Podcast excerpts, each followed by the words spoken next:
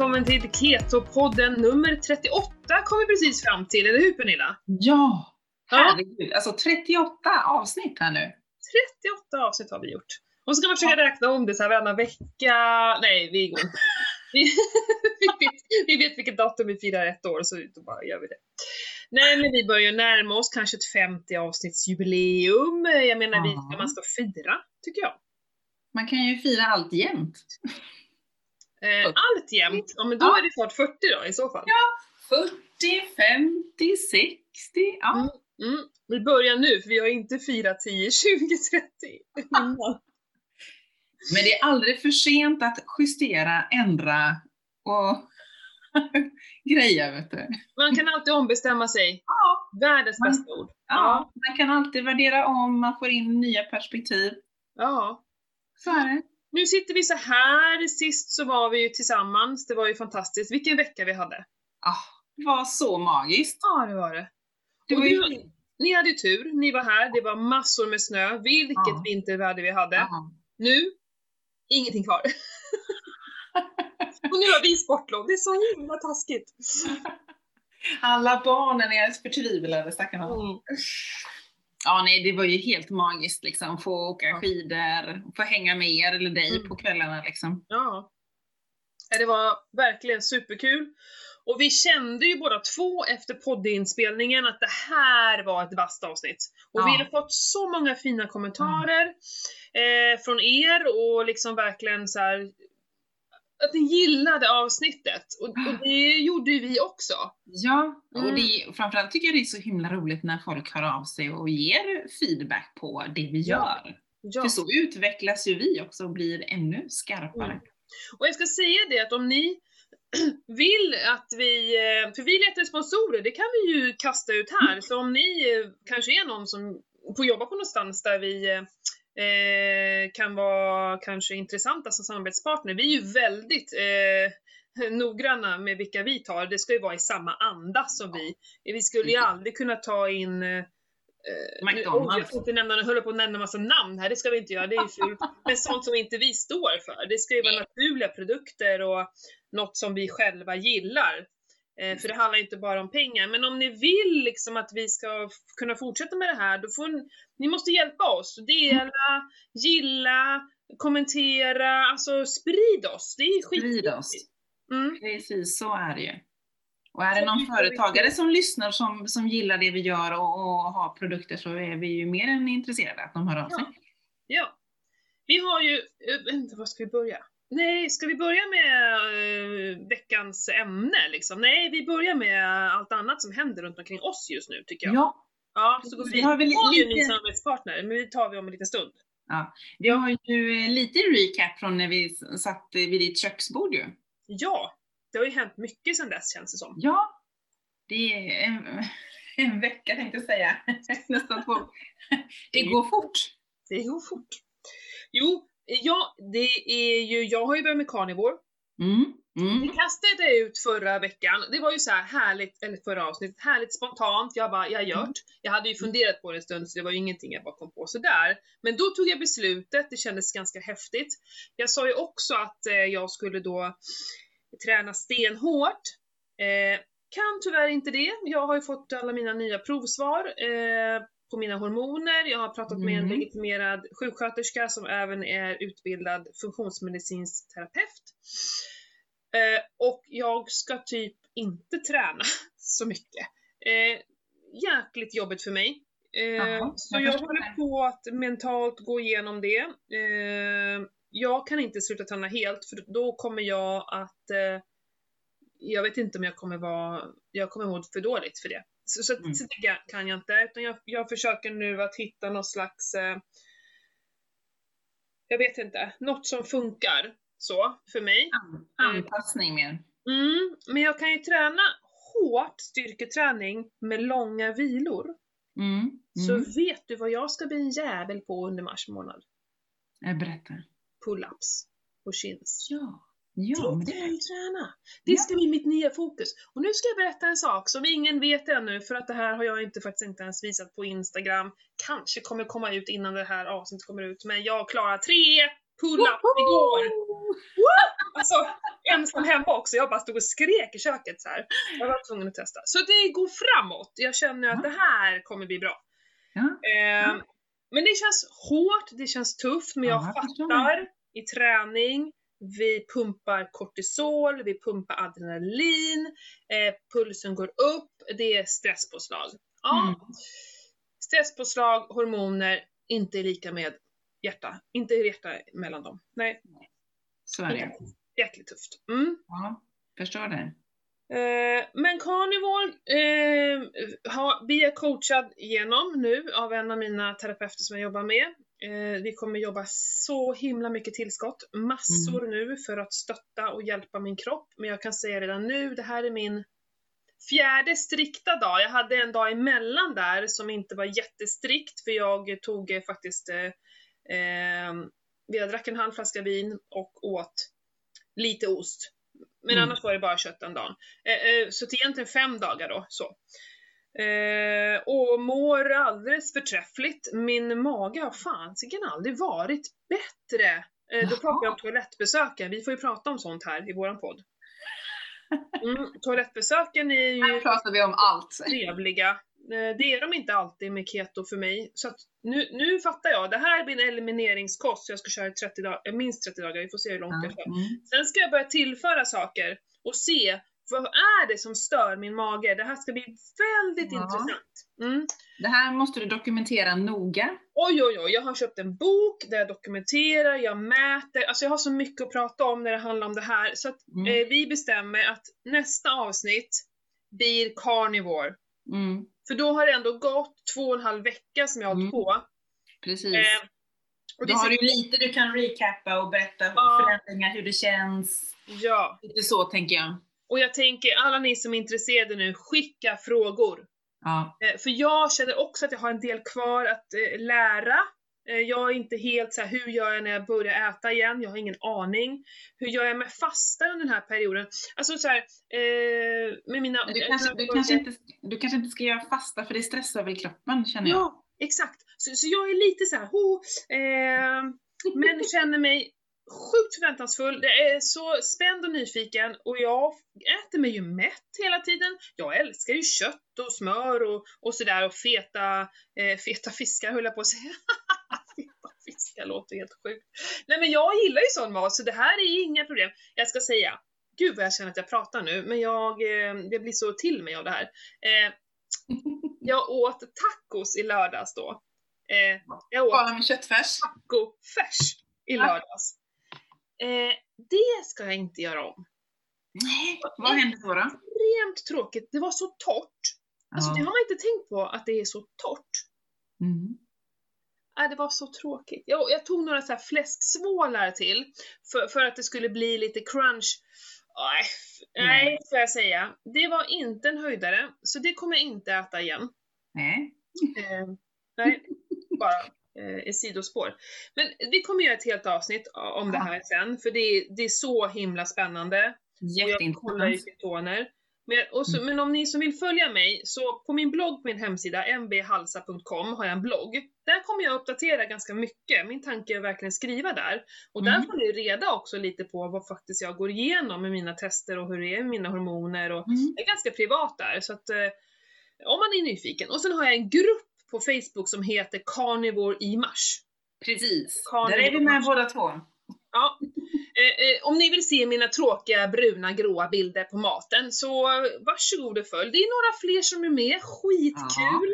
Mm. Eh, så det kan jag rekommendera. Ja, nog om hela carnivore för det, det, annars kan jag aldrig sluta prata. Nej, du får spara dig till det avsnittet. Mm, jäklar. Precis, och jag måste också vara, tänka to, eh, toxiskt. Alltså, eh, Mm. ingen alkohol. Nej. Kaffe måste, har jag börjat dra ner på, så hela förra veckan drog jag ner på kaffet. Ja, det behöver jag också dra ner på. Ja, hur ska du göra Pernilla? Ja, alltså, jag, alltså tidigare när jag jobbade på kontoret eller var ute hos kund, då drack jag en kopp kaffe på morgonen ner till min ägglatte och så drack jag en kopp kaffe när jag kom hem, typ vid tre, fyra, fem, mm, beroende Och på du när jag drack hade... inte kaffe på jobbet alls? Nej. Nej. Och, och även ute hos mina kunder så drack jag oftast ett glas vatten. Mm. Men nu om man ser till det här senaste pandemiåret. Jäklar i min lilla låda vad jag dricker kaffe, har jag upptäckt. Mm. Och det är inte så bra. Ska jag Det- säga varför du dricker mycket kaffe? Ja, berätta. Hemma. berätta. Jag har varit hemma hos dig. Ja. Det är för lätt. jag vet. Nej men du har en jättebra kaffemaskin Ja. som gör jättegott kaffe. Mm. Ja, det låter ju, åh vad fantastiskt. Men Ja. du bara ställer en kopp under, trycker på en jäkla knapp. Och så kommer det. Det kan ju vara ditt problem. Ja men för Ja, jag det, är för lätt, så här, det är för lättillgängligt. Ja! Och kaffe på jobbet smakar rävgift. Ja. Så det drack man ju aldrig liksom. Det har jag inte druckit på de senaste sju åren liksom. Nej. Så kasta ut kaffemaskinen. det ska man inte göra. Nej men du får sätta en lapp på kaffemaskinen. Det är bara, alltså, jag, vet, jag känner ju mig själv, det är bara att bestämma sig. Ja, Nu, nu eller aldrig, det är bara, kör. Ja. Jag har ju Ja. ändå dragit ner antal koppar lite grann, men jag behöver dra ner betydligt Ja. mer. Eh, jag är ju inte redo att släppa kaffet helt. Jag dricker kaffe en gång om dagen nu. Mm. Förut var ju det det första jag gjorde. Jag kröp ju ut i köket och satte på kaffet. och Mm. drack eh, liksom det första jag gjorde. Den koppen har jag tagit bort helt för att jag vill hellre spara min kaffe. Om jag bara får dricka kaffe en gång, då vill jag göra det på förmiddagen kände jag. Så. Mm. Ja, det var fruktansvärt första dagarna. Jag bytte ut till te. Nej, men det, det går inte att byta ut till te. Nej. För, för, för då, då, då smakar nästan teet äckligt. För Mm. att kaffe är så gott så. Mm. Så, så började jag dricka vatten. Jag drack bara vatten på morgonen, Mm. gjorde ingenting annat. Men nu har jag börjat dricka te igen. Mm. För nu känns det okej, för nu har jag faktiskt vant mig. Nu, Ja, och nu dricker jag ju maskroste. Eh, bra substitut till kaffe måste jag säga. Ja. Ja men faktiskt, eh, verkligen kaffet. Att eh, det, det är för mycket blir ju, eh, kan ju bli alltså, toxiskt, alltså giftigt Ja. för oss. Ja. Det vet man ju när man försöker dra ner på kaffet, man dricker färre koppar, man får ju lite huvudvärk och alltså man mår ju dåligt på något Ja, sätt. liksom. jag var deppig förra veckan och det hade mycket med det att göra. Att, eh, men det är ju bara egentligen att strypa och försöka härda ut de få dagarna det ändå talar om och så. Mm. Det är så mycket besprutningar på kaffebönor också. Ja. Så där ska man ju alltid välja ekologiskt och liksom så fairtrade och det man bara, Mm. det man bara kan. För det är så mycket besprutningar så att det, man blir Mm. nästan mörkrädd. Men bra. Men du hade ju en liten utmaning med ditt kaffe. Ja, ja precis. Jag eh, tänkte ju till vi satt ju och diskuterade lite här just med min eh, ägglatte. Och min viktuppgång och lite, vi satt ju och snackade. Var det på någon kväll eller var det på podden? Det kanske var på podden va? Ja, vi pratade på den också. Ja, det gjorde vi. Mm. Men jag tänkte till lite och tänkte att nej, men nu jäklar ska jag te- testa fetkaffe. Med eh, lite smör och kokosfett. Mm. Och har kört hela förra veckan. Jag drog, eller jag drog igång redan när vi kom hem. Mm. Vi åkte ju från dig den lördagen, just så då började jag ju. Och eh, det jag har märkt nu efter en, en, en och en halv vecka, det är ju att med ägglatten så var jag ju mätt betydligt längre. Mm. Men däremot det som är skillnad nu, det är ju att jag helt plötsligt känner hunger. Mm. Alltså det har jag ju inte känt tidigare. Så när klockan är typ halv tolv, tolv, då känner jag liksom att då kurrar magen, alltså jag är hungrig. Mm. Inte det här, ja jag borde nog vara hungrig nu så att jag äter när klockan är ett, ungefär tolv, ett liksom. Men du, för vi pratade om vilken tid på dygnet eh, du tog din kaffe då. Eller På dygnet, på morgonen, vilket var ganska Mm. tidigt. Mm, mellan sju och, ja, mellan, mellan sju och halv åtta är bra, Ja. gör den om man säger. Ja, och tacka fasiken att du ska vara hungrig vid 12, det har ju ändå Ja. gått några timmar. Och att du då inte kände hungern där, jag tror liksom att, ja, eller vet du vad, det behöver inte vara något fel, men det var sån stor frukost. Alltså det, Ja. det var så, så att egentligen så skulle du kunna hoppa över lunchen om du tar en ägglatte till Mm. frukost. För att det, Mm. var, det var därför du inte var riktigt hungrig, för att det var Mm. så, så mäktig frukost. Liksom. Antagligen, antagligen. Ja. Så här i efterhand. Ja, men precis. Mm. Så det är ju vilket som, antingen så går du tillbaka till den sen, men då kanske du ska köra någon periodiskt fasta, att du käkar middagen, ja nu är inte det alltid så, om man äter med familjen kanske det är svårt, men typ ta en ägglatte, och blir mätt och sen kanske käka din middag klockan tre och sen så äter du inget mer efter det. Nej, Det också vara ett sätt att äta på. Ja, Så följa kroppens hunger lite. ja, men precis. Alltså, Eller bara ta en buljong eller något sånt där då när man börjar känna sig hungrig, något litet och sen Mm. äter man på kvällen. Mm. Ja, tåls att tänka på. Men som sagt var, det här är intressant. Superintressant. Och vill vi ha förändringar så måste vi göra förändringar. Vi kan liksom inte bara fortsätta i samma, samma eh, gud, Samma spår. Ja men precis, och så, och så förvänta oss typ bara eh, träna en gång till i veckan. Det kommer liksom inte bli någon förändring av det. Och sen framförallt när det gäller kosten att ta en sak i taget tycker jag lite att man inte förändrar för mycket för då vet man ju inte vad effekten var egentligen. Och det här är ju det svåra. Mm, jag vet. Jag är, så här, jag är precis som dig taggad och vill köra igång med tio saker samtidigt och så får man liksom Nej, nej, nej, nej, ta det Mm. lugnt, backa, andas. Okej, nu får vi göra en plan. Vad börjar vi med? Hur länge gör vi det? Det är, det här, det är därför folk kontaktar mig. Ja. För att jag ska hold your horses. Ja, Ta det lugnt. Nu tar Ja. vi en sak i taget. så är det. Ehm, Så är det. Ehm, Men det är svårt att göra det själv. Det kan vara skönt att ha någon att prata med som Mm. liksom, eh, det låter töntigt, men som håller en i handen under tiden. Det Mm. är, Och det är det jag har nu. Jag har två stycken. Mm. Och jag känner mig så jäkla trygg i det, alltså som hjälper mig med hela med kosthållningen och det. Och sen har jag en eh, personlig coach som hjälper mig, eh, ja, delvis i min relation med min man, privat och jobbmässigt, eftersom jag jobbar ihop nu. Ja, Mm. värt varenda spänn. Varenda spänn. Mm. Eh, ta hjälp. Det är, vi är inte starka ensamma. Nej, så är det helt klart. Nej. Eh, grymt! Ska, men då ska ni få höra. Nu är det intervju på gång. Ja! Mm, ja, det här är superintressant. Det är Ja. en lång intervju, men ni kommer i, inte upptäcka att den är lång för att det är så himla intressant. ja. Superintressant. Jag satt ju idel öra och notera och notera och Ja. notera. Och det här var ganska nytt för dig. Ja, Mm. det var det. Helt Mm. klart. Jag, eh, visst, jag har ju hört talas om eh, obalanser mellan omega-3 och omega-6 och så vidare. Eh, så att, eh, ja, Mm. superintressant. Ja, vi pratade, intervjuade alltså eh, Micke Marco. Mm. Han är grundare och ägare till Arctic Med, Mm. eh, som då eh, producerar fiskolja helt enkelt. Mm. Mm. Mm. Eh, och det är ju fin, fin kvalitet, det bästa man kan hitta. Här, jag har ju varit återförsäljare åt honom, åh, ja nu vet jag inte, det är sen jag gick ju mina utbildningar. Jag kommer inte ens ihåg vilka år jag gick det. Hur länge jag har varit utbildad nu. Ja men det är ju sex, eh, sju år sedan. Och, eh, vi pratade ju om fettsyratest där, för det är ganska intressant att kolla Mm. det. Mm. Det gjorde jag ju då när jag fick, det gjorde jag mina barn. Men de var små då, så jag stack ju dem i fingret. Och de Ja. förstod ju inte, för det går så fort. Och testade på dem. Ja. Det var jäkligt intressant. Och det här gör jag titt som tätt eh, för att hålla lite koll och, och glömmer av min omega-3 och he, då ser man direkt Mm. eh, på de här testerna. Ja. Så, eh, ja, det är så intressant. Och du tyckte vi skulle prata lite, för han använde lite Ja. olika förkortningar. Ja, men alltså, även om jag inte, jag är inte lika påläst som, som du är, men lite koll har man ju. Men jag tänker lyssnarna som inte är lika nernördade som vi två är, Mm. har ju inte kanske kollen på alla de här olika bokstavskombinationerna som han eh, pratar om. Nej, det Och är jag- lite, ja. Känner att det kanske behöver vara lite förtydliga liksom. Mm.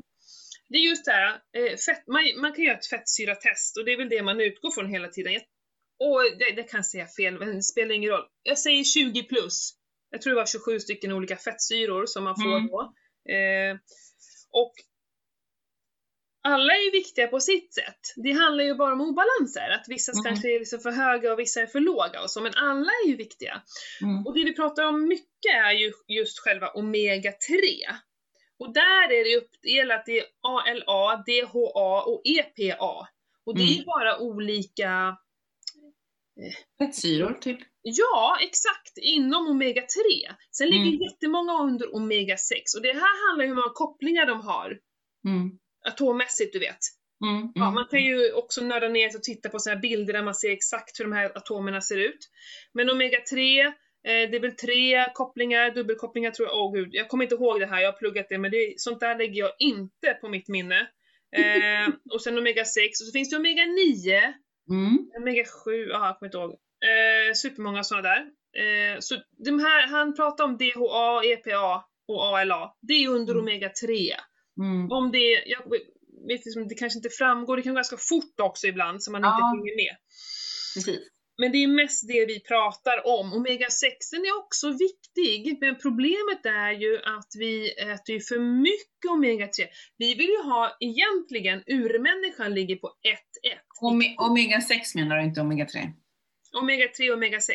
Mm, mm, Ja, där ska ju balansen ligga på 1-1. mm. Ja, men precis. Vad sa jag? Att vi hade för mycket? Du sa omega-3 tror jag.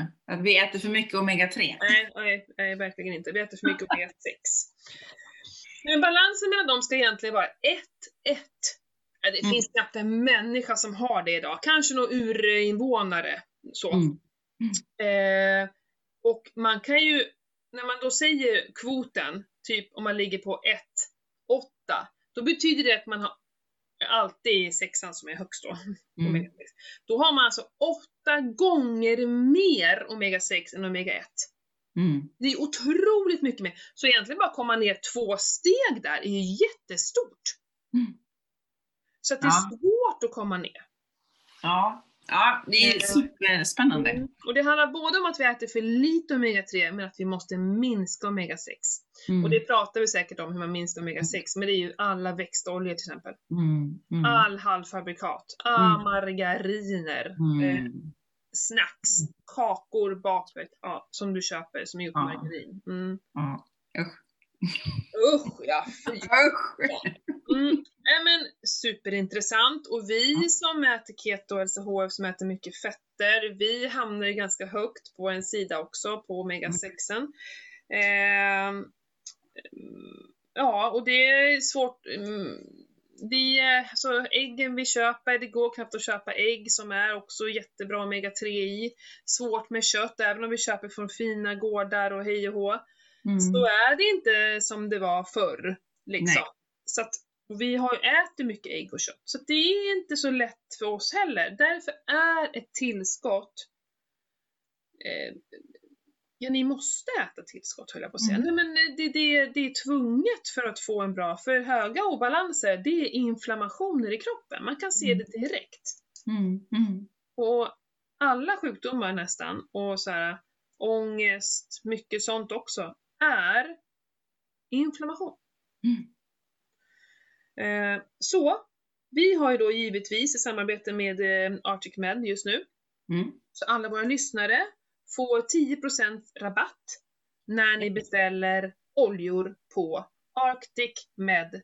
Arctic som nu är the ocean. Mm Ja, men precis. med .se. Eh, enkelt, Ketopodden är vår rabattkod. Mm. Mm.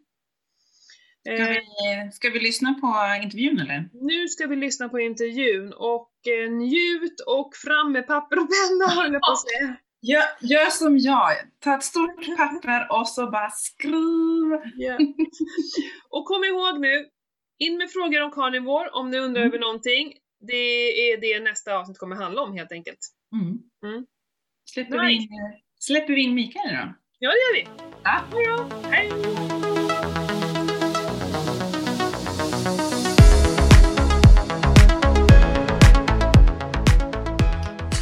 Ja, hallå! Nu är lite poddinspelning här igen och den här gången i Keto-podden så har vi fått eh, finfint besök faktiskt, eller hur Pernilla? Jajamensan! Mm. Eh, jag är ju väldigt bekant eh, med Micke, men det är en helt ny bekantskap för Pernilla, så att jag välkomnar Micke Marco. Han är grundare och ägare till Arctic Med, som då ja, gör och säljer eh, omega-3-oljor. Det är det som är huvuddelen i alla fall. Sen gör ni lite andra roliga saker. Mm. Välkommen hit Micke! Tack så hemskt mycket, Matilda och Pernilla. Ja. att vara här. Ska vi börja med att du bara berättar, vem är du? Och vad gör du? Eh, Jag är eh, 63 år gammal och eh, jag har en bakgrund från eh, finansiella branschen och eh, en, eh, strax efter 2000 där så har jag gått in i väggen och då stötte jag på en, eller jag har en kompis, eller hade en kompis i Norge som eh, snackade mycket om omega-3 och eh, han hade blivit hjälpt av sina, led, med sina ledbesvär med omega-3. Och framförallt med en blandning mellan eh, fiskolja och eh, olivolja. Och då testade jag det här och jag var lite skeptisk från början, men det tog väl fyra månader så var jag liksom helt eh, back in business igen.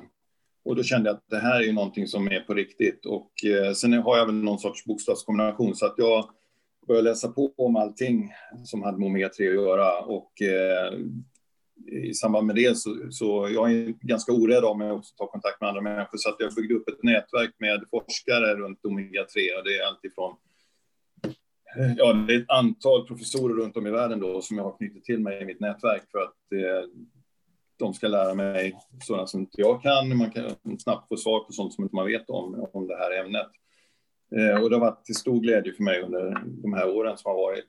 Eh, den här kompisen som jag då hade i Norge, han och jag, vi började med, ja, eh, där jag var del i ett koncept som heter Oil for Life Eh, med en blandning med fiskolja och olivolja. Och det var baserat på professor Björn Österuds forskning runt eh, sälolja och eh, olivolja eh. Och att man tillsatte olivolja var för att man skulle få ett större oxidationsmotstånd för de här fettsyrorna är ju oxidationskänsliga. Mm.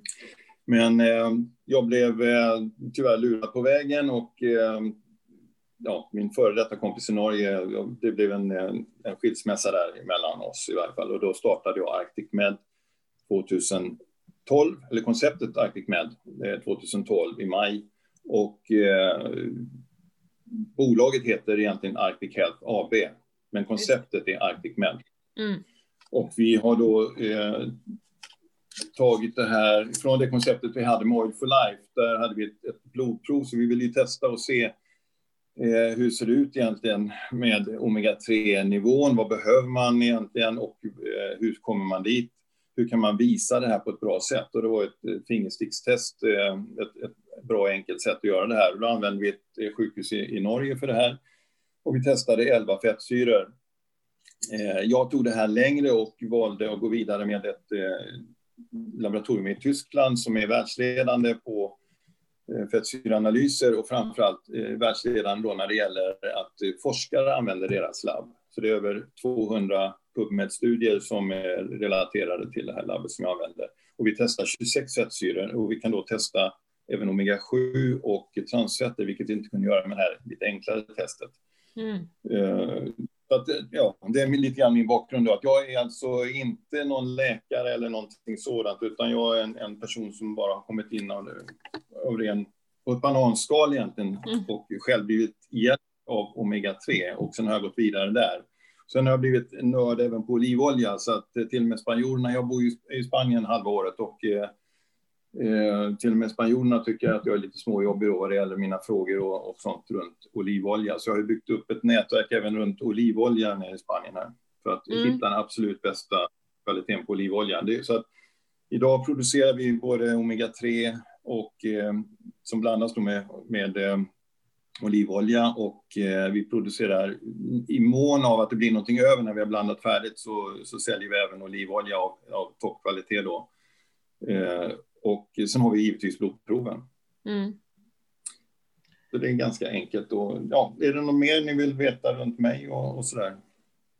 Eh, Eller ska vi ramla rätt in på? Jag tycker vi liksom kör igång för att de som lyssnar, vi pratar om omega-3 och det är inte alla som är Ja men de flesta har hört talas om omega-3, det står ju på äggkartongerna och rik på omega-3 och sådär. Eh, men jag tror få vet om så här, varför är det så viktigt för oss att äta omega-3 och varför får vi faktiskt inte i oss det av den, eh, nu är jag inom så här, eh, situationstecken, den normala kosten. För att vi skulle ju inte egentligen behöva ta extra, eller hur? Tycker man ju. Så lite så här, eh, vad, vad är balans mellan omega-3 och omega-6 och eh, varför behöver vi göra någonting åt det? Okej. Okay. Nu. Ja, idag det är lite tråkigt. Det blev en, en stor, lång fråga och massa ja, frågor. Men Ja, idag är det väl tyvärr är det väl så att det har blivit att man ser ju själv man är ute och handlar att man behöver ju ha någon form av utbildning för att veta vad är det för mat man sätter i sig, vad är det man köper för någonting egentligen, vad står det på innehållsförteckningen, vad är det Mm. för biverkningar med de tillsatsämnen de har och så vidare. Och hur många orkar sätta sig in i det här? Och när man väl har satt sig in i det här så måste man ha förstoringsglas med sig också när man går ut och, och läser på de här etiketterna. För i varje fall i min ålder så ser man ju inte vad det står där. Nej. Det det är ju minimal text på grejerna. Men eh, eh, vi har ju i varje fall några essentiella fettsyror då, som man kallar det, som, man behöver, som kroppen behöver, därför den kan inte tillverka det själv. Och de, det testet som vi har, där testar man då de här 26 stycken fettsyror, det motsvarar väl, det står för över 95 procent av de fettsyror som, som vi kan se spelar roll för, för hälsan, som vi kan mäta och se. Eh, och eh, eh, vad det gäller ja, de här essentiella fettsyrorna då, om man tittar på omega-3 och omega-6, Mm. då är de essentiella. Men det är inte bara så att eh, det är de grundämnena som är essentiella, det vill säga vegetabiliska formen av omega-3, den kallas för ALA, det är alfa-linolensyra. Den eh, finns då naturligt till exempel i linfröolja och den finns i valnötter, det finns i eh, Typ avokado, finns ju lite grann också. Så att det är ett naturligt sätt att få i sig en omega-3-fettsyra. Sen ska kroppen omvandla den själv till eh, andra former som till exempel EPA, DPA och eh, DH. DHA. Och eh, det fungerar väl... Tanken är att det här ska fungera, eller man tror att det här fungerar bra. De som är veganer tror att de ska kunna omvandla det här genom att äta linfröolja till exempel. Men eh, tyvärr är det så att vi ser med blodproven att det är inte så enkelt är det inte alltid, utan det, det är ganska svårt för kroppen att eh, omvandla de här eh, ALA till EPA, som är då påverkar rätt mycket funktioner i kroppen.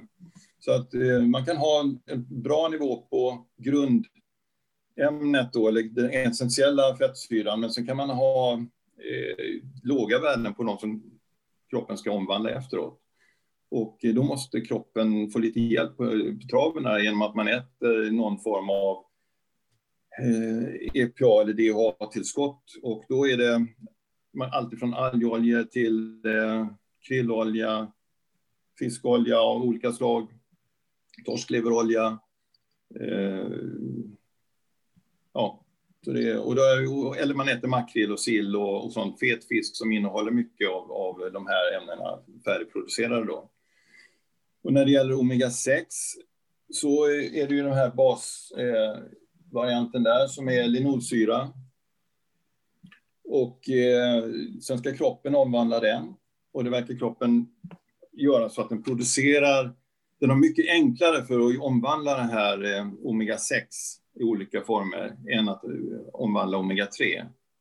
Och det vet man inte riktigt vad det där beror på. Om det, det är så att serverar man lika mycket omega-3 och omega-6 till kroppen så verkar den omvandla omega-6 i första hand. Och det, det är ett enzym, det är samma enzym som används för att omvandla både omega-6 och omega-3. Och eh, det verkar hantera det på ett enklare sätt med omega-6. Det verkar vara mindre motstånd om man säger så. Mm. Så därför ser vi också att de som äter mycket vegansk mat, att de har ofta brister på EPA framför allt. Och det påverkar då, det kan ha olika eh, påverkan på, på kroppen. Vi kan gå in på det sen om ni vill. Mm. Men eh, ja, så det var väl lite bara om det här med essentiella fettsyror och sånt som kroppen själv, de andra fettsyrorna som omega-7, omega-9 och så det kan kroppen själv producera av, av mat vi äter.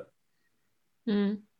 Men är det också så att omega-3 inte längre finns i, i samma, eh, samma utsträckning längre i maten vi äter som det var förr, alltså då tänker jag förr, då tänker jag väldigt långt tillbaka när, liksom, när människan åt det som fanns runt omkring oss och inte hade fabriker som lagade mat. Liksom.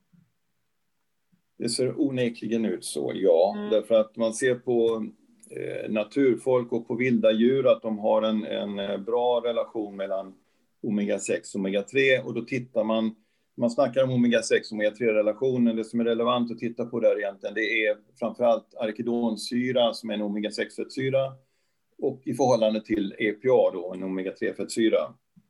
Och den relationen har väl under människans utveckling ser det ut som den har varit, där djuren ligger också på att man har ungefär dubbelt så mycket omega-6 som omega-3, det vill säga dubbelt så mycket arkedonsyra som EPA.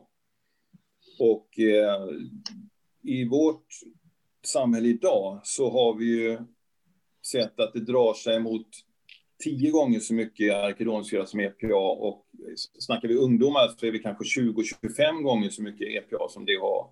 Och snackar vi till exempel tester som görs i USA så hamnar vi på ännu högre nivåer i den här obalansen. Mm. Och, eh, men äter man då kött från vilda djur, eller för att man ser att vilda djur har en bra balans mellan omega-6 och omega-3. Mm. Eh, höns, eh, deras ägg då från, från höns som är som, ja, som det var förr, vi gick och pickade ute på gården och fick lite mat och åt maskar och annat. De eh, har deras ägg hade en, de studier jag har sett på det har man ungefär två gånger så mycket eh, omega-6 som omega-3, medan ägg från de producenter vi, vi har idag, de har alltså 16 gånger så mycket omega-6 som omega-3. Mm. Och det här, allt det här beror på egentligen att den, den maten vi får idag, de djuren vi äter, de eh, får ofta kraftfoder. Och kraftfoder, då snackar vi att det är ju ofta majs och soja.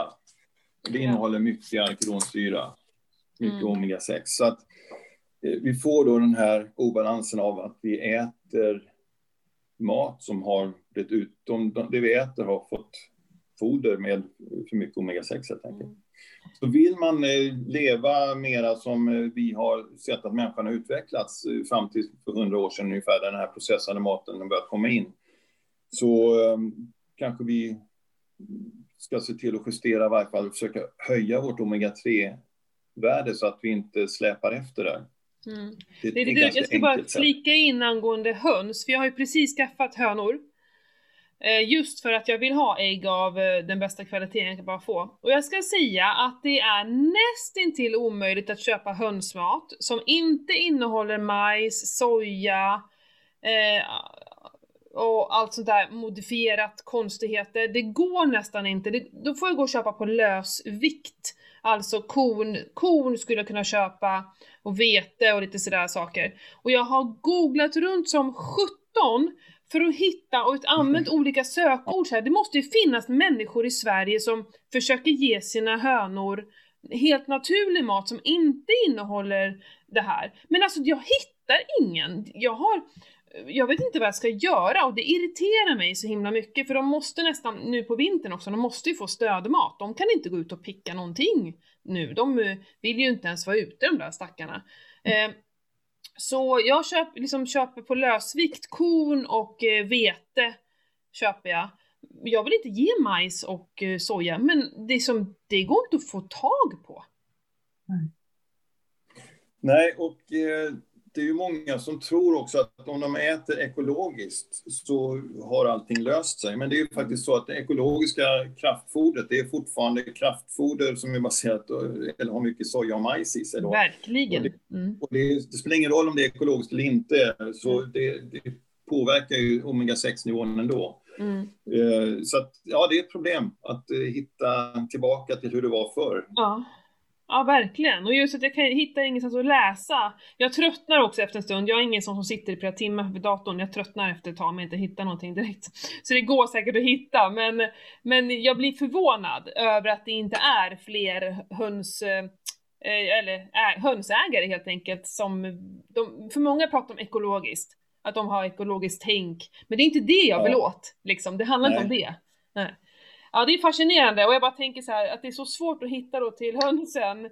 hur svårt är det inte att hitta till oss själva liksom också? Alltså det är ju, ja. Det säljer ju och, och det, syns, de lägger mycket ägg. Det syns tydligt också i blodproven när vi, när vi får in de här testerna och tittar på resultaten och, och när arkedonsyravärdet sticker iväg högt mm. från vad normal varianserna, alltså de flesta ligger på kanske ett värde runt 8 och så får man värden som är 10, 12, 13, 14 och det sticker av uppåt ordentligt och då när man intervjuar de här personerna då, man får tillfälle till det, så hänger det ofta ihop med att de äter kanske minst två ägg om dagen. De äter Mm. mycket eh, kött ifrån eh, djur som eh, har fått kraftfoder. Alltså vanligt rött kött är ofta en sån, Mm. sån grej. Men, men påfallande ofta är det de som äter väldigt mycket ägg. Mm. Och det spelar ingen, ingen roll då om det har varit ekologiska ägg eller inte, utan de, de får eh, höga arkedonsyra. Mm. Det är intressant för att jag, det minns jag, för, för du har ju varit och pratat på eh, utbildningen som jag har gått. Och då gjorde jag ju sådana här test, jag har gjort några stycken nu under de här åren. Och jag började ju med LCHF i samma veva där, eller typ något år innan två, innan du, jag pratade med dig. Eh, och då, jag hade ju skyhöga eh, värden på just det, för jag åt ju jättemycket ägg. Så det var, och det, då fick jag höra det, jag vet inte om det var du som sa det eller om det var Jonas på utbildningen, att just de som käkar LCHF innan man har börjat välja bra mat, utan man bara tänker på det här med liksom energin egentligen, balansen, eh, har väldigt höga nivåer på det. För att vi äter mycket kött och ägg. Och man, man kan väl säga också att de här nivåerna, eh, om man vill ha synpunkter på att man har för höga nivåer, man kan tänka då att arkedonsyra är inflammationsdrivande.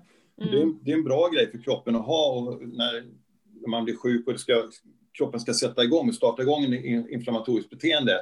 Men sen behöver man någonting som släcker det här också och då ska det vara en balans mellan så att det är ju arkedonsyran mot EPA då. Man säger att den ena startar elden, den andra släcker bra- branden och, och har man då för lite av eh, EPA som ska släcka branden så, det, så har man en, en låggradig inflammation hela tiden. Och det, Mm. I USA så brukar de snacka den här silent inflammation som man inte ser och hör, men den finns där.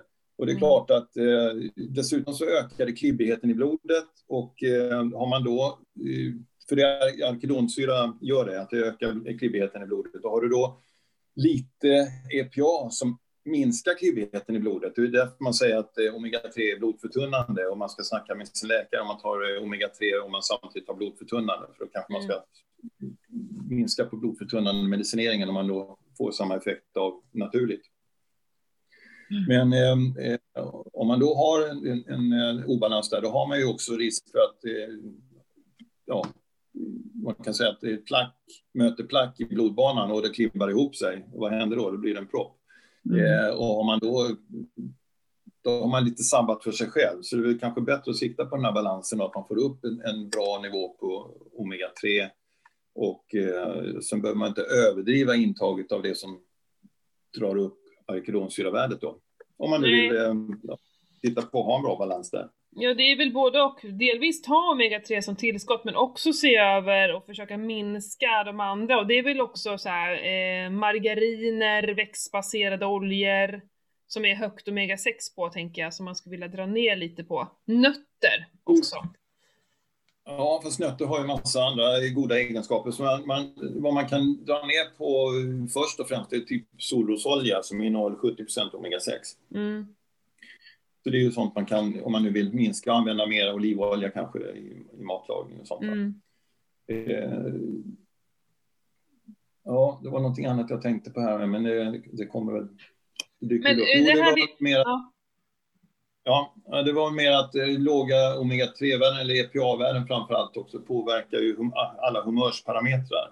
Och vi Mm. ser det tydligt hos eh, ungdomar som har väldigt låga omega-3-värden att eh, det hänger ofta ihop med eh, humörs... Eh, och man, man kan missta det för att det är bokstavskombinationer när det kanske egentligen är en, en, brist på omega-3 Mm. som gör att, att eh, humöret inte fungerar, koncentrationsförmågan funkar inte som, som det ska vara.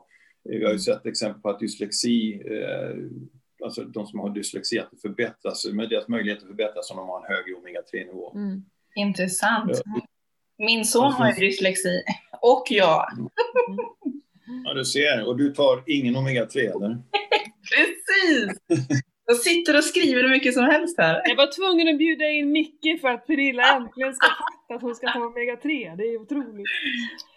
Ja, men man kan ju göra det enkelt för det, det kan man ju börja med att testa och se. Behöver jag omega-3 överhuvudtaget? För att det, det är inte alla som behöver. De flesta behöver det. Vi ser att eh, 80 procent åtminstone har ju låga omega-3-värden och höga omega-6-värden.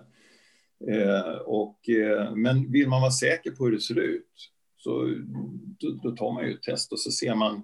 Det är ju ett enkelt test att testa hemma, bara fingers, fingerstickstest. Mm. Tyvärr är det inte gratis. Det hade ju varit perfekt om det var det, men det kostar ju lite att göra de här testerna. Och, och eh, jag säljer dem själv till mina återförsäljare för, för självkostnadspris, för att jag tycker att det är så viktigt att få ut det här till så många som möjligt så att de ska kunna testa sig och se hur, hur det ser ut. Framförallt att det får effekt efter, man testar sig igen efter fyra månader när man har bytt ut sina blodceller så, så ser man att det har, har verkligen fått effekt. Mm. Jag har ju test hemma, jag ska ta och skicka till dig Pernilla så du kan kolla. jag gjorde faktiskt det här, jag kommer inte ihåg, jag säger tre, nej, fyra år sedan är det nog. Nej det måste vara mer, fem år sedan gjorde jag ju, eh, gud åren bara springer iväg märker jag nu. Eh, då gjorde jag eh, test på mina småbarn samtidigt. Alltså yngsta eh, var nog ett. Så stack jag alla i familjen i fingret och skickade iväg. Otroligt intressant ska jag säga. Att till och med de här små barnen som jag har kunnat styra maten, för vi var väldigt noggranna och började ganska sent hos dagmamma och så. Eh, de hade jättehöga, eh, eh, eh höga, alltså eh, högt på ja, det som omega-6 då. Eh, så balanserna var inte alls så fina ska jag säga. Och vilket skrämde mig lite. Så de har ju fått sen dess en tesked eh, Arctic med-olja varje morgon. Det är liksom morgondosen vitaminer. D och D-vitamin får de varje morgon.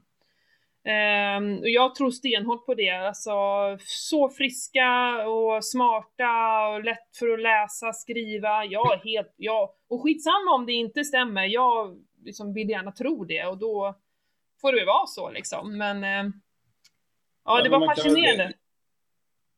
Det, det, finns ju, eh, om vi ska hoppa in på den biten med barn och så vidare, så kan man ju backa bandet till foster till exempel och se att Eh, kvinnor som vill bli gravida bör ha en bra omega-3-nivå. Mm. Därför att det är, framförallt DHA är extremt viktigt för fostrets, eh, eh, när, det, när det ska växa till sig. Och eh, framförallt de sista tre månaderna hjärnan eh, ska liksom sättas igång ordentligt. Eh, att man inte har brist på DHA. Och eh, det har visat sig att det här med att en, man ska äta fisk för att bli smart. Det, det ligger ju någonting i det. Man, mm. Jag vet inte, jag kommer inte ihåg, jag har läst studier med hur, hur många IQ-punkter som det här påverkar eh, framöver att man har en bra omega-3-nivå. Man kan alltså påverka sin, eller barnets intelligens genom att se till så att det finns en, en bra omega-3-nivå redan som foster. Mm. Och eh, det finns även studier som visar att låga omega-3-värden kan göra att man får för tidig födsel. Och 10 procent av eh, födslarna i USA är för tidigt födda. Alltså de, de är innan vecka 34. Och eh, det kan man undvika då genom att man höjer sin omega-3-nivå, har man sett i, i, i, studier. Och dessutom så tror jag att Birgitta Strandvik, professor Birgitta Strandvik eh, har varit handledare till forskare på Drottning Silvias eh, barnsjukhus.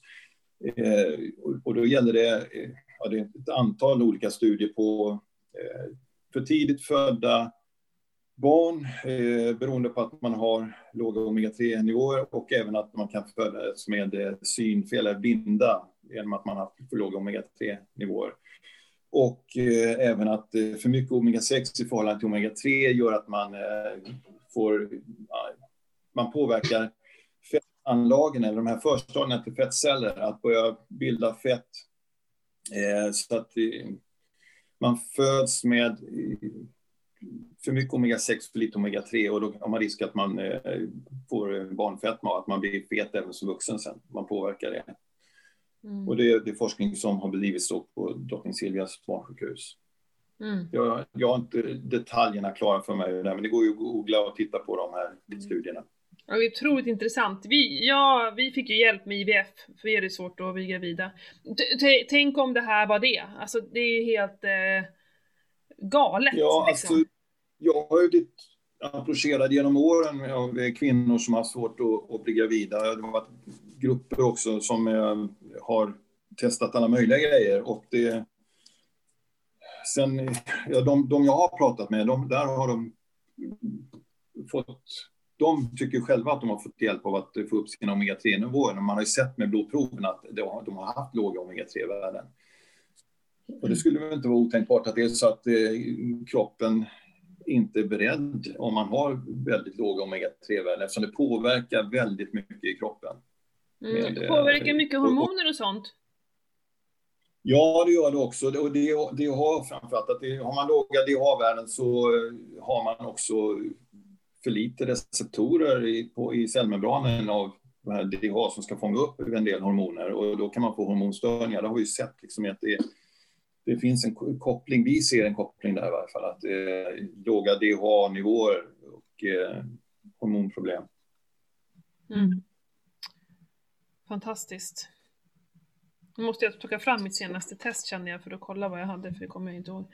Ja, Man kan ju se att test, testerna går ju ut på egentligen att man, man tittar på de olika grupperna. Man tittar på omega-3, man tittar på omega-6, man tittar på omega-7, man tittar på omega-9 och på transfetter och på mättade fetter. Mm. Och, och från de här eh, värdena, det är 26 olika värden vi tar fram totalt, och så tar vi fram markörer, eh, till exempel då arkedonsyra i förhållande till EPA, hur många gånger mer har man av det mot eh, eh, EPA. Och eh, jag har ett test framför mig nu som är ett, ett barn som är tre år gammalt som har 26 gånger så mycket omega 6 som omega 3 och det är ju definitivt, alltså det är far out på fel sida. Mm. Eh, och eh, en omega-3-index på 3,67. Och där, där har man i, i USA använder man ju då eh, mycket det här med omega-3-index eh, och, och tittar på som en markör för hjärt-kärlhälsan. Och, har man, och de anser då att har man låga värden, det vill säga runt 4 procent och höjer det till 8 så minskar risken för plötslig hjärtdöd eh, avsevärt och andra hjärt-kärlrelaterade problem. Och det här barnet jag tittar på här nu har 3,67 och Mm. normalvärdet då ska ligga på 8. Då, känns det liksom att det, är- det är lite tidigt att börja med sådana, det är fel förutsättningar när man börjar livet då. Verkligen. Eh, och eh, även då totala omega-6-värdena, om man lägger ihop alla dem och, och eh, jämför dem med alla omega-3-värden så har den här barnet då sju, över, drygt sju gånger så mycket omega-6 som omega-3 totalt. Och det är nog det högsta värdet jag har sett där överhuvudtaget. Och det, det är ju ingen, det är ingen sån där... Ja, det är ju bra att man kan se det här och göra någonting åt det då, i så fall. Kan man säga. Mm. Mm. Omega-3-värden, och det innebär ju också att, att hjärnan har ju fått alldeles för lite bränsle att jobba med om man säger så. Så att det är 0,4 EPA-värde, det är knappt mätbart. Eh, och om, eftersom det påverkar alla humörsparametrar och eh, även DHA sen är ju viktigt för syn också, så det påverkar ju ögat väldigt mycket. Retinan består ju mycket av eh, DHA. Eh, en, den där treåringen, vet ni om några speciella, var den sjuk på något sätt eller fanns det några symptom? Eh, vet ni någonting mer om treåringen? Nej, det vet jag inte. Och jag, det, jag säger bara, jag vill inte heller uttala mig specifikt om, eh, utan jag säger bara treåring och sen eh, att det är Mm. värdena. Så att jag vill inte gå in i på några andra saker för det, Nej. För det det man, det, mellan mm, det jag har lärt mig av att eh, jag har ju ja, men skickat vissa tester till eh, några av mina klienter. Och då speciellt de då som har en eh, alltså reumatism eller eh, och, och faktiskt depression och sådana saker kan jag ju se väldigt eh, höga siffror då på obalansen, så omega-6 är ju mycket, mycket eh, alltså, dåliga balanser ska man inte säga, nej men alltså att det är obalanser där, kan man se direkt. Ja, fram, framförallt har de väl ofta då väldigt låga omega-3-värden. Ja, Så det påverkar eh, eh, hjärnan helt klart. Mm. Jo men just det här som vi pratar ju mycket om inflammationer och att det är liksom många av eh, liksom, de tidernas sjukdomar vi har, metabola syndromet till exempel, är ju inflammationer i grunden. Och, och att det ligger så mycket i det här med fettsyrorna. Man, tänk, man pratar igen om tarmflora och liksom sådana saker. Men det här är ju eh, också en, en av bitarna att titta på. Inte bara prata tarmbakterier, för det är lätt att man gör det annars. Allting hänger ihop och det har jag ju lärt Mm. mig liksom att eh, i, i början tyckte jag att liksom omega-3 löser allting, men det är ju inte så utan det, omega-3 är en viktig del i hälsopusslet och den, jag har koncentrerat mig på just den pusselbiten. Sen hänger det ihop med en massa andra pusselbitar och, men detta är ändå en basbit eftersom det sitter i alla cellmembraner i hela kroppen.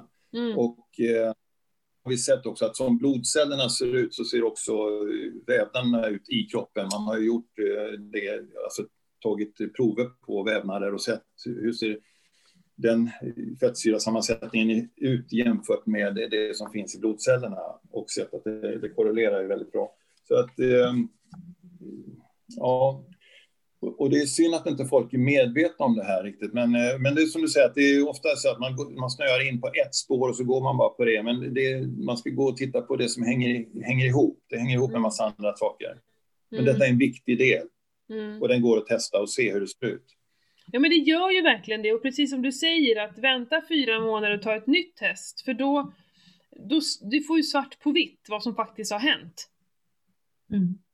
Sen ska jag säga det, men vi glömde det i början där, att eh, det är ju inte så att eh, omega-3, alltså som ett tillskott, är det enda som finns, utan det, självklart så finns det ju då möjlighet att äta fet fisk, alltså makrill eh, och, och, och sill och, och så vidare, och ansjovis och sardiner. Mm. Eh, det är jättebra källa till omega-3. Eh, dessvärre så är det ju då som att man, tillbaka till det här med utbildning för att köpa mat, att eh, vi får ju, vi fick ju en tillsägelse från EU att vi får inte exportera våra feta fiskar från eh, Östersjön och, och eh, Vänern och Vättern till EU därför att den innehåller för mycket eh, kvicksilver. Mm. Och eh, vi, vi blir ålagda att göra en informationsfilm också, eller informera svenska folket om hur det här är, hur mycket man kan äta i veckan om, om året av fet fisk, som strömming till exempel. Och det finns en film då på, eh, en animerad film på Livsmedelsverkets sida om just, ja, nu kommer jag inte ihåg exakt var man hittar den, men den finns på vår hemsida också. Eh, där man talar om att de som eh, vill bli gravida eller är gravida inte ska äta mer än, jag tror det var någon gång om året, äta strömming. Ja Och precis. det, det är för, och så här vet ju inte folk om riktigt, tror jag. Att, det, att vi kan inte äta, men normalt sett så ska man ju kunna äta fet fisk för att eh, få upp sina omega-3-nivåer. Men det, då får man också risken att man får i sig eh, de gifter som finns i havet. Och vi ser ju också att jag använder ju bara Eh, olja från eh, sardin och ansjovis eh, huvudsakligen från ett eh, område som är godkänt av Friend of the Sea. Och eh, vi är godkända av Friend of the Sea. Jag har varit noga med det att det ska vara eh, sustainability, kontroll på det här med fisket också. Men vi ser då att alla fiskar runt om i alla världshav har idag förhöjda värden, inte bara av kvicksilver och andra gifter som finns, utan även av eh, mikroplaster, alltså så här eh, Just det. eh, eftanoler, eftalater, eftalater, förlåt, eh, eh, phthalates. Och de är alltså mjukgörare i plaster och det finns i fiskarna. Och eh, 2016 så började vi att eh, genomföra och ha rening av våran fiskolja för eh, att få ner värdena på de här eftalaterna. Det finns inga gränsvärden, det finns inga krav på att man ska rena från eftalater.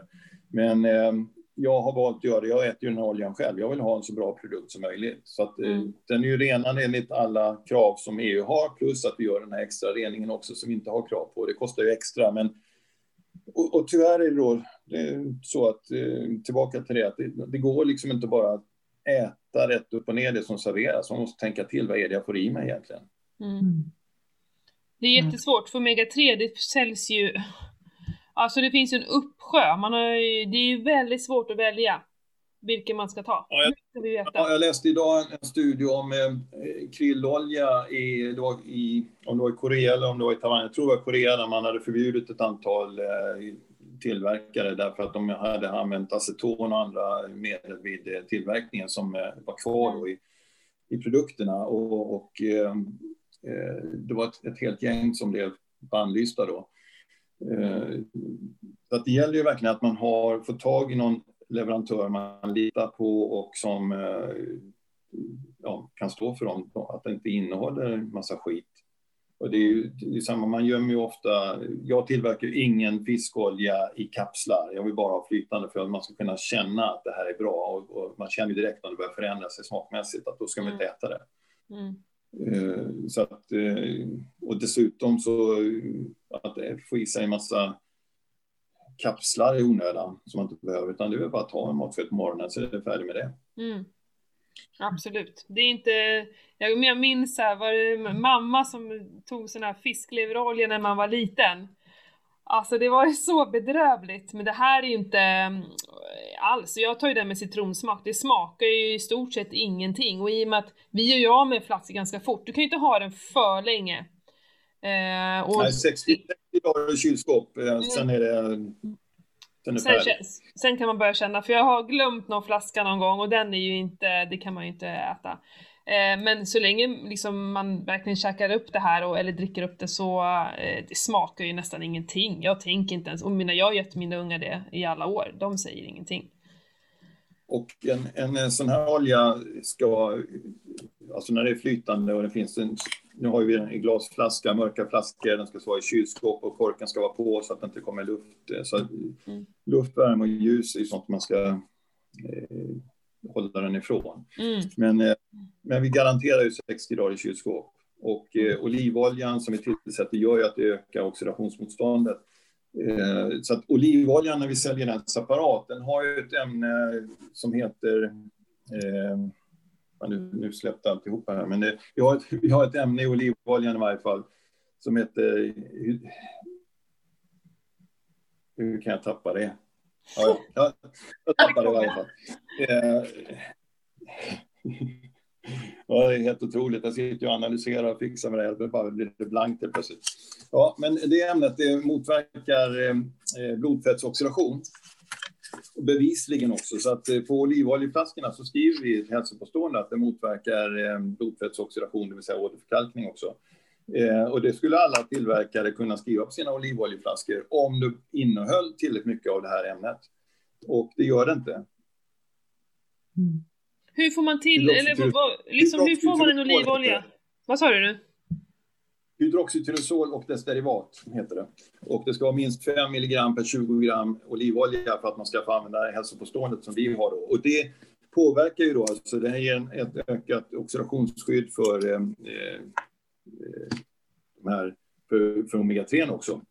Och eh, det var det som Björn Österud, professor Björn Österud i eh, Tromsö kom fram till när han gjorde sin blandning mellan sälolja och fiskolja. Så det är honom jag tackar för den här grundtanken och blandningen, varför ska man göra det här? Så, så Björn och jag har ju snackat ihop oss tidigare, mm, tidigt om det här och han blev också lurad av den här före detta kompisen som jag hade med Oil for Life. Så att han och jag har liksom, han hjälpte mig att komma igång då när jag kom igång med eh, Arctic eh, med-konceptet också.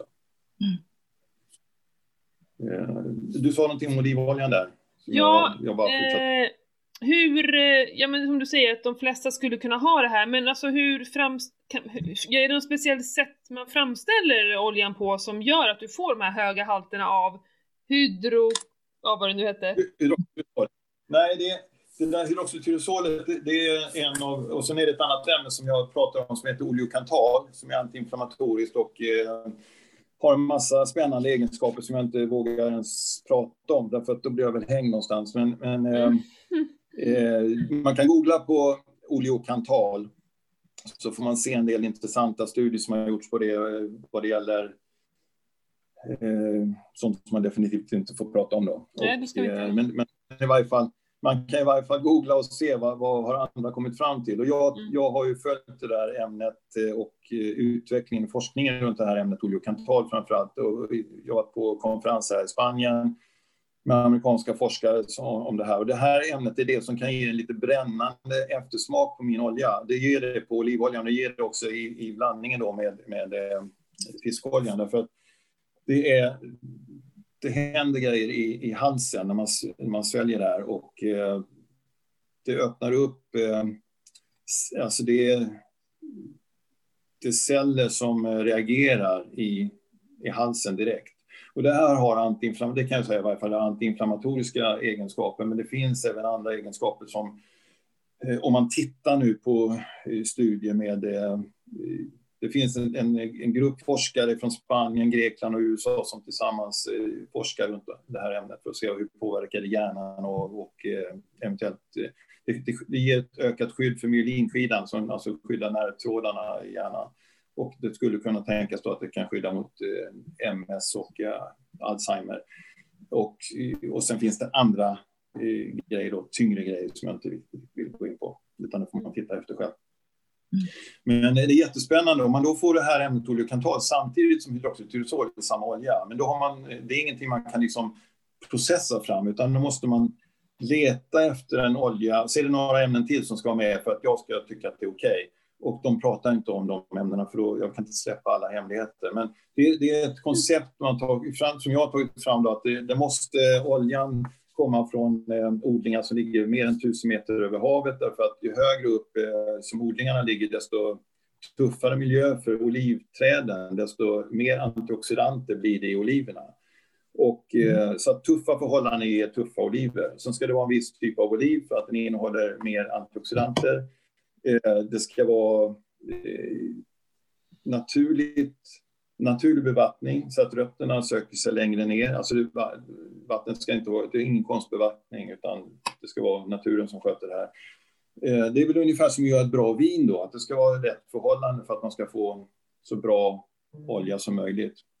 Det här gör att det är oerhört svårt att få. Sen har jag ett antal andra krav på att det ska vara fyra timmar max från skörd till eh, att det går in i kvarnen.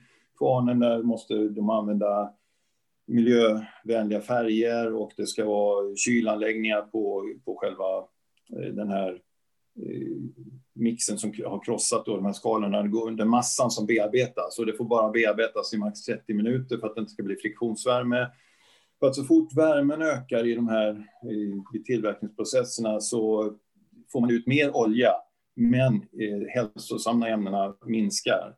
Och bönderna vill ju få ut så mycket olja som möjligt och mm. ändå få kalla det extra virgin olive oil. Och det, ju varje grad de höjer temperaturen desto mer olja kommer ut. Och jag står på andra sidan och säger att sänk temperaturen så vi får en, en så hälsosam olja som möjligt. Mm. Och då har man ett problem att hitta tillverkare som förstår det här och är med på att de, de kan få mer betalt för oljan om de bara får ut en mindre mängd men att den är mer hälsosam. Så att eh, eh jag försöker alltid vara med vid skörden och eh, har ett antal leverantörer som, och det är framförallt ett ställe som jag köper från som är hemligt, som är min hovleverantör då. Och tyvärr får man inte tag i så mycket, så jag kan ju inte producera, jag kan ju inte bli någon stor producent av det här om jag ska hålla den här standarden på, på oljan. Mm. Utan det, jag vill hålla den här speciella, jag tillverkar en gång om året och då blir den här blandningen med omega-3 eller fiskoljan och olivoljan och sen det som blir över av olivoljan det häller vi på, eh, det producerar vi halvlitersflaskor som vi säljer. Mm. Numrerade flaskor då. Det kan vara allt från 100 flaskor till ett par tusen flaskor. Mm. Som är, som är, så det är, det är ett spännande område med olivoljan. Det finns mycket att säga runt det. Man har sett också att eh, Eh, ja, man kan titta, man kan ju googla på kvinnor och bröstcancer till exempel och se vad, eh, och medelhavsområdet och så vidare, så kan man se vad man hittar där. Mm. Eh, ja, det är en, och det, dessutom är det ju gott. Mm. Ja men superintressant, jag använder dina oljor så jag vet ju. Men, men eh, eh, vad var det mm. jag skulle säga? Åh, nu bara... Jo, om man, eh, om man, eh, alltså just att köpa bara oliver och inte olja. Vad, har du, vad, finns det något, eh, går det att köpa sådana oliver? Eller jag, jag vet inte. Det är så gott med oliver och ibland så när man läser innehållsförteckningen på oliver så blir man ju faktiskt, man tror att det är bara oliver men det är ju faktiskt inte bara oliver i den här burken. Nej, de lägger ju dem i, i någon sorts lag då så att de ligger och, och i flera månader och, och ligger till sig för att man ska kunna äta dem överhuvudtaget. Mm. Annars är de alldeles för beska. Mm. Och eh, sen, tyvärr så är det så att det tillsätts också konstiga ämnen. Det kan tillsättas koppar till exempel för att de ska bli grönare, se grönare ut. Och, och sånt där är jag ju totalt allergisk mot. Det är ju, men men det, det förekommer mycket fusk. Och jag, jag försöker ju köpa lokala såna här familjegårdar som har sina egna recept och hur de lägger in de här oliverna. Och, eh, jag köper ju bara, alltså för det första så använder jag ju bara oliver till min egen produktion är ju bara de första dagarnas skörd. Det är kanske fem dagars skörd varje år. De första dagarna när de är gröna oliverna innan de börjar skifta och börjar mot svarta. Ju, ju svartare de är desto mildare blir de. Så att de är mer, mer antioxidanter i början. Men de flesta vill ha en mjukare olja då, därför så väntar bönderna med, med att skörda huvuddelen till senare. Mm. Och eh, börjar det regna under de här första dagarna, då är det ju, sabbar det ju direkt eh, innehållet av de här hälsosamma ämnena. Det, tar, det går på nolltid, så alltså att det tas upp och, och spär ut de här ämnena. Det ser vi med, jag kör ju laboratorietester på allting. När det kommer, man får ju, de första testerna görs eh, direkt eh, och eh, sen så skickar jag till oberoende laboratorier i Barcelona för att inte det ska någon, någon, det är ingen som ska känna någon som känner någon, utan det ska vara anonymt det som testas. Och eh, jag testade den oljan som vi har nu, som säljs, olivoljan pratar jag nu, den eh, har jag 26 pack kvar tror jag, sen är det helt slut. Den oljan testade jag nu efter ett år hos Barcelona igen och eh, får tillbaka att analysen att det är, alltså de här hydroxytyrosol och oleokantalvärdena är precis som det var för ett år sedan. Och det är fantastiskt mm. glädjande att det inte har försämrats på ett år. Mm, Olivolja har en, en, väldigt bra hållbarhet. Den håller ju kanske upp till fyra år under rätt förutsättningar. Men eh, den ska också stå mörkt och eh, med, utan luft. Den ska inte, behöver inte stå i kylskåp för den stelnar ju vid 5-6 eh, grader så blir det ju, stelnar den helt. Sen kan man ju ta ut den i och för sig så, så blir den normal igen. Mm. Ja, gud vad intressant eh, med olivoljan tycker jag. Ehm, helt klart. Varför är det så bra, eh, igen då, varför är det så bra att ha olivolja i samband med eh, omega-3? Så att eh, jag bara tänkte så här om vi skulle understryka det lite. Det, det, verkar, dels är det ju för att vi ska öka oxidationsmotståndet så att eh, hållbarheten ökar. Och sen är det så att eh, den antiinflammatoriska effekten, alltså vi får ju effekter som folk inte har upplevt med de har ju prövat ofta andra saker också, andra omega-3-oljor och annat, men just den här kombinationen verkar som att 1 plus 1 blir inte 2 utan det blir kanske 15 okay. i hälsoeffekt. Och det här är mer än ett, eh, någonting som jag får, det är ingenting som jag påstår nu, utan det är någonting som jag får feedback från kunder, att det är ofta jag får höra det, att jag, det är konstigt att jag får en annan effekt med din olja än vad jag har prövat med andra. Mm. Det är den, den, feedbacken jag får. Men det verkar som att det, det finns en, en eh, förstärkningseffekt där de här två ämnena, eller två komponenterna kommer ihop. Då. Att det är bioaktiva ämnen från två olika produkter som förstärker varandra. Mm. Ja, super. det är så himla intressant. Jag har ju så många solskenshistorier, jag behöver inte stå och dra dem här nu. Men eh, liksom både på mig själv och på eh, familjemedlemmar och, och, vänner som bara efter en månad märker, och det är så olika på, alltså vissa är lederna, vissa kan vara sömnen, vissa kan vara humöret, humöret. Ja, alltså det som du säger det här med humöret, ja oh, herregud. Till och med min man sa häromdagen, han bara jag tror det här omega-3 är bra alltså. Så, så bara, jag har ju sagt det i fem år. För då har han tagit det ganska, jag kommer inte ihåg varför, ja, men jag tog en till flaska och bara det här är våran, vi måste ta slut på den här tror jag, eller vad det nu var, jag kommer inte ihåg varför. Så han var ganska han glömmer ju lätt bort annars, men han var verkligen så han tog det varje dag. Så bara kom han här för några dagar sedan, jag tror det där är ganska bra.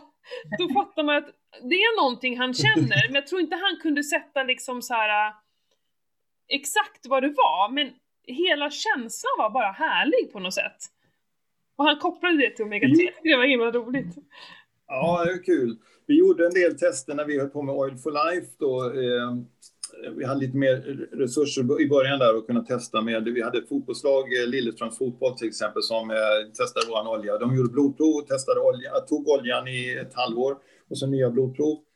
De hade det var tre, två eller tre spelare som hade bra värden från början. De var alla tre från Afrika och åt eh, en, annan kost. Och, eh, men övriga spelare hade jättedåliga värden och, och, de höjde sina värden då under den här testperioden och eh, de gick ut faktiskt med en presskonferens eh, när vi var färdiga med det här och eh, presenterade det som en medicinsk sensation därför att de hade minskat, de hade gått från att vara sämst i ligan på närvaro vid matcher och träning till att bli bäst i ligan på närvaro vid matcher och träning. De blev inte bättre på fotboll, men de blev Nej. bättre på att vara på plats.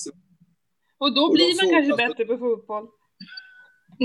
Ja, man kan ju hoppas det. Men de och sen hade de märkt att de fick en eh, snabbare återläkning vid, eh, vid eh, muskelbristningar och sånt och färre muskelbristningar. Och det kan man kanske hänga ihop med att man får en bättre cellstruktur. Mm. Och eh, omega-3 hjälper till att, att, reparera cellerna. Och det gör väl också att det är en, del, en hel del som tränar mycket som använder mycket omega-3. Yeah. Men det var jättekul att se det. Och de hade, alltså, det var sensationella siffror. De fick också en, en en följdgrej var att de hade upptäckt att fasen, det verkar som folk blir lite trevligare mot varandra i omklädningsrummen också. Alltså, man fick en annan, coolare inställning. Man blir ja. inte så hellevrad. Ja, absolut. Och det här med alltså, tålamod och allting. Att det är eh, inte lika att man säger på gränsen och säger någonting så bara exploderar, utan eh, det, aha, ja, det är verkligen så. Supermycket sånt. Mm. Sen hade vi ju de här bröderna Aukland som, äh, heter de väl, som har vunnit Vasaloppet. Ja, det vet, vet väl du som bor i... Nej, jag, i... jag har inte bott här så länge, nu skäms jag. ja, men de, de, eh, båda bröderna där, de var ju omslagspojkar för Oil for Life då. Och eh, vi såg ju på skidåkare att eh, det, många sådana här som har anstränger sig under lång tid. Cyklister som cyklar länge och de eh, skidåkare, att de eh, vi hade cykelteam i Norge också som åkte till Mallorca och på cykelläger och annat. Och de upptäckte att det är de som hade ansträngningsastma, att de blev av med ansträngningsastma när de fick upp omega-3-nivåerna. Mm. Och det är också på längd, längdåkningsaktörerna. Och det var därför vi fick med oss de här bröderna Aukland då på, som omslagspojkar. Mm det hjälpte inte någonting vidare med försäljningen såg vi, men det, vi hade dem i varje fall som, de, de stod med som eh, omslagspojkar för Oil for Life i varje fall. omslagspojkar, ja det är bra. Ja. Mm. Härligt! Pernilla, du som är liksom eh, helt, eh, helt färsk här nu, vad, vad ja. tänker du? Vad... Har några... Nej, men alltså, det, spontana är ju liksom, det är superintressant. Jag behöver ju grotta ner mig lite. Sen är man ju väldigt nyfiken på sånt här test. Mm. Faktiskt. Mm. Det, här det blir var... lite mer på riktigt då. Även om Aha. man nästan kan tro att alla skulle behöva ta tillskott så det är ändå, du får det svart på vitt och sen så kan du också se vad du kan göra själv och att det kan ändras, testsvaren. Mm. För jag vet att jag åt, ju, jag åt ju sådana här ja, kapslar för gör länge sedan liksom. Men det har jag slutat med. mm. Men, och bara den saken man kan se transfettvärdena och eh, jag ser ju att det finns ju de som går från en diet till en annan. Till exempel man har slarvat mycket, man äter mycket snabba kolhydrater, så går man över och, och äter LCHF. Och eh, då kanske man börjar dra för mycket åt det hållet med att man öser på med en jädra massa grädde och smör och så. Och, och, och det kan man väl göra om man gillar det, men eh, man får ofta då en... Eh, jag ser det i blodproven att de som går väldigt mycket åt, åt grädde och smörhållet, att de kanske ska titta lite på att transfettvärdena kan sticka iväg upp eh, på eladinsyra, heter det, och så sticka upp. Och där finns en korrelation mellan eladinsyra och eh, hjärt-kärlproblem och även eh, bröstcancer. Mm. Men, eh, och där, de som jag har sett som sticker iväg mycket, det kan vara sån som dricker en deciliter grädde om dagen. Till som jag har intervjuat någon, när det, när det sticker ut värdet, då ringer jag ibland upp och kollar, men hallå, ditt värde sticker ut. Är det någonting i din mat som är det är, det är så ovanligt det här. Då har jag till exempel fått ett svar till, men, nej, jag äter inget speciellt, men jag, jag äter en deciliter grädde på morgonen. Mm. Mm. Okej, okay, men då, då får man en förklaring i varje fall. Okej, okay, då har då, det är därför du har det här höga värdet där. Eh, så det finns lite sådana, det kommer fram en del olika varianter på vissa koster man kan se då i, i den här profilen. Mm. Mm. Och gör man det här testet eh, som privatperson så ställer jag upp så man kan ringa mig och gå igenom testsvaret. Ja, annars så gör man det genom en terapeut så, eh, så tar terapeuten hand om det och lägger in det i, i genomgången man har då med, med terapeuterna, gå igenom hur svaret Mm. är. Men, men sitter man hemma på kammaren och har skickat efter det här på nätet från mig så, och sitter och undrar hur ska jag tolka det här så kan man faktiskt ringa till mig och få... Jag har oftast tid med det. Jag, jag är ju halvpensionär om man säger så. så Mm. Du är runt och, och kollar olivodlingar, det är vad du pysslar Ja, med på dagarna. Ja men det är fantastiskt, vad, vad, vad schysst att höra. I och med att jag, med, jag jobbar med klienter och hjälper dem, då, ehm, eh, då kan vi ju så fort vi hamnar någonstans där jag inte kan hjälpa till så vet jag ju att du finns till hands. Det är ju kanon alltså. Absolut, och är det så att eh, jag kan hjälpa till på något sätt så gör jag gärna det. Och är det så att jag inte kan förklara eller inte förstår själv så har jag i varje fall ett stort nätverk med ett antal forskare som jag kan vända mig till och få ofta väldigt eh, bra svar. Mm. Väldigt, väldigt bra svar faktiskt. Jag har ju, det är ju världsledande forskare, det är ju inte någon som sitter på, hemma på kammaren. Liksom, jag är ju en jädra amatör. Eh, och, och de här lirarna som jag snackar med, det är ju, de är världsledande inom omega-3-forskning. Och det är liksom det är allt ifrån eh, Clemens von Schacke i Tyskland och Bill Harris i USA som är forskare uppe på NIH i, Washington och, och, eh, och Birgitta Strandvik, Jan Österud, Karl Arfors. Och sen har jag givetvis de här eh, hälsoprofilerna i Sverige som jag är väldigt glad att de har anammat mitt koncept och tycker att det är ett bra koncept. Det är ju till exempel Sanna Edin och det är Jonas Bergqvist, Mm, Anna Hallén, Bitten Jonsson mm, med flera. Så mm. att jag, jag, jag har haft tur där att eh, de här hälsoprofilerna gillar mina grejer och det är ett sätt jag jobbar på. Och någonstans hoppas jag att jag har väl gjort någonting som har varit bra då, som de gillar. Mm. Ja men Jag har ju verkligen. rätt höga själv, att det ska vara bra. Det ska vara en bra produkt. Och vi har 100% nöjd kundgaranti. Jag tror inte det är så många som ställer upp på sånt annars, men, men det har vi. Här. Så att alla ska vara nöjda och alla ska liksom... Det är ju, vi har så liten tillverkning så det blir liksom någon, någon sorts familj alltihopa. Mm. Och vi har ingen multilevel marketingförsäljning och sånt, utan det, det ska vara enkelt och, och uh, inga krångel någonstans.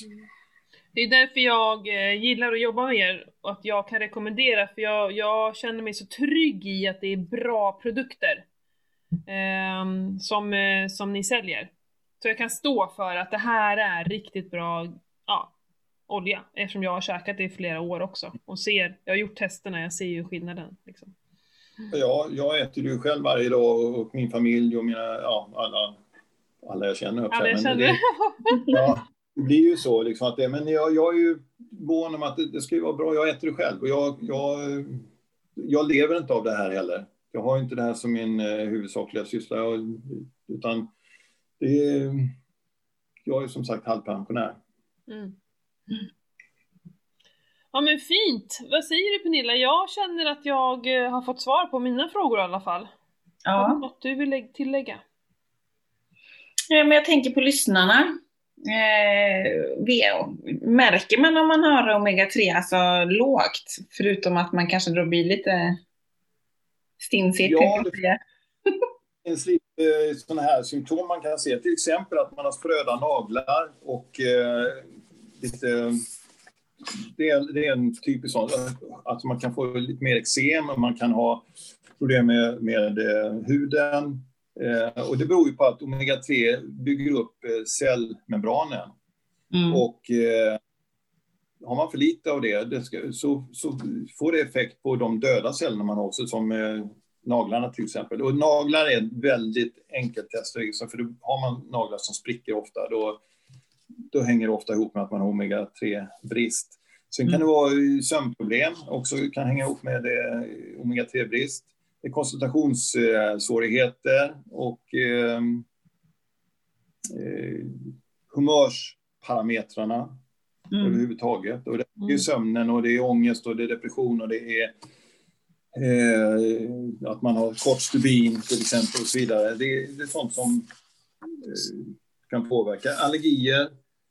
Eh, och sen en jättekonstig grej, det kan vara att man har, eh, får för mycket, alltså man har väldigt mycket öronvax. Den är lite speciell. Men det är en sån grej som man kan bero på. Jag vet inte vad det beror på, men jag har sett det som en sån eh, grej att det kan vara en, en symptom, symptom på låga omega-3-värden. Hur de har Jaha. kommit fram till detta det vet jag inte riktigt. Men eh, det, ja.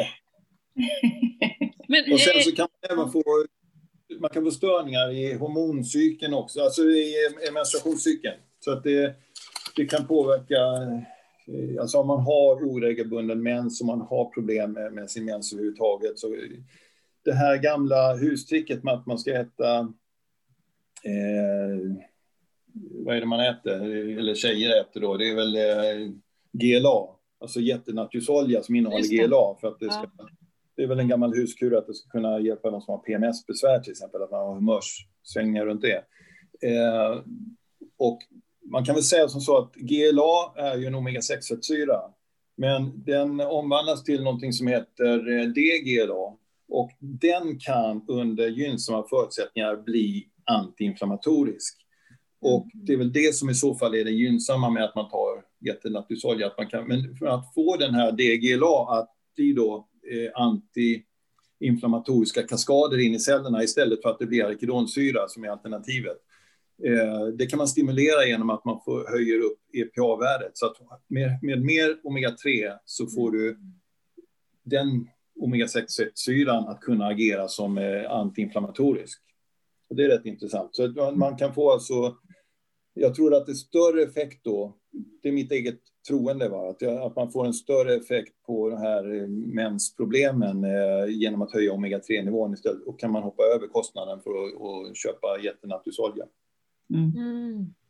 Gud vad intressant. Jag kommer ihåg den här eh, vi läste i skolan, eh, där man fick se vad som händer i, liksom i kroppen av just eh, olika fettsyror, vad det blev av det. Och, och lätt det var att det stack åt ett håll som var liksom inflammatoriskt eller antiinflammatoriskt. Eh, ja, det, det var ju, eh, det var ingenting man lärde sig, eller jag lärde mig i alla fall, Nej. men det, jag kommer ihåg. Eh, att Ja. men det var, det var intressant att veta att liksom, okej, du stoppar i munnen, men sen då? Det händer så mycket inne i kroppen. Vi tänker ju inte på det, ja men nu Ja. äter jag det här, okej, men, men vad händer när det kommer in här och vad behövs för att det faktiskt ska eh, tas upp av kroppen och sånt där. Superintressant. Mm. Sen en grej runt de här testerna också är att det, man eh, kan ju få olika, alltså folk kan äta samma sak men ändå få olika fettsyraprofil och det beror på eh, ålder, eh, genetiska förutsättningar, eh, om man är man eller kvinna eh, och om man är rökare, om man är alkoholist och så vidare. Det påverkar eh, hur kroppen hanterar det här och, och bygger in det i cellerna. Mm. Mm. Ja, exakt. Precis. Mm, absolut. det. Men hur, hur snabbt kan man märka av en effekt då, om man börjar äta de här oljorna? Men I hjärnan så har vi ju exempel på att eh, det har varit framförallt ungdomar som har eh, låga omega-3-värden och koncentrationssvårigheter. Det kan gå på något dygn alltså. Mhm. Så om de, och då har de, eh, alltså efter någon vecka så märker de i skolan att det liksom, eh, vad har hänt med Kalle liksom. Han är mer närvarande liksom i klassrummet och är coolare och efter 14 dagar är det en annan, en annan person helt enkelt Mm. eh, i uppförande. Och efter, normalt sett så brukar jag säga att inom åtta veckor så märker man de som har eh, problem med, med leder och så vidare, att de brukar känna att efter åtta veckor så bör man få effekter som är mär, klart märkbara. Mm. Men sen ska man väl börja, om man inte äter omega-3 innan så ska man väl börja med lite högre dos. Ja, för att man vill komma upp i, och det har vi på våra flaskor så anger vi hur mycket man ska rekommenderas ta då i, i startskedet de första fyra flaskorna eller första hundra dagarna. Så Mm. anger vi en högre dos och sen finns det ju de som vet med sig att de har eh, nu kommer vi in på ämnen som alltså det är sånt som jag inte riktigt får prata om då med, med eh, olika sjukdomar och annat utan eh, men de som har funnit ut att eh, de har vissa specifika problem, att de har överdoserat själva lite grann. Jag får inte rekommendera mer än 3 gram om dagen. För Mm. att eh, då blir det läkemedelsnivå eh, Mm. på det hela. Ja. Men eh, jag får ju feedback från folk som har tagit högre doser, att de har fått eh, snabbare effekt om man säger så på vissa, vissa saker. Det kan vara till exempel, ja, det är, det är mycket med lederna då, och kan vara migrän och annat till exempel. Mm. Jag det är hade en, en, en, en tjej som jag var tillsammans med för många år sedan som har en son som då hade barnmigrän. Och han, det var så illa så att han fick tas från skolan flera gånger i veckan och han lades i ett mörkt rum och han, han bara grät sig till sömns liksom, han hade så jävla ont. Mm. Han fick ju börja med min olja och det tog inte mer än, jag tror det tog en vecka så var han av med de här grejerna som han hade haft i, i flera år och sen, eh, sen var det borta. Sen, eh, nu vet jag inte hur de har hanterat det efter det, men, men eh, den tiden som vi var tillsammans där så, så försvann hans besvär helt och hållet. Nu är det bara ett enda exempel, det är ju ingen studie utan det är bara ett exempel på att mm. det, det funkade för oss just det. Mm. Och det var ju värt hur mycket som helst för, för honom. Ja, men det vet jag. Ja, härligt. Eh, då så. Ska vi runda av lite, känns det som. Hur känner ja. du Micke? Är du nöjd? Har du, har du fått säga ja, det? Ja, jag är ju för mycket och tröttar ut era lyssnare och, och er med, eh, med det här. Det, Nej. det är ju så man, man blir så blir man engagerad. Jag brukar få känna det själv, att det, min sambo brukar säga det, att jag, jag blir för engagerad. Jag måste liksom hålla tillbaka lite grann. Mm.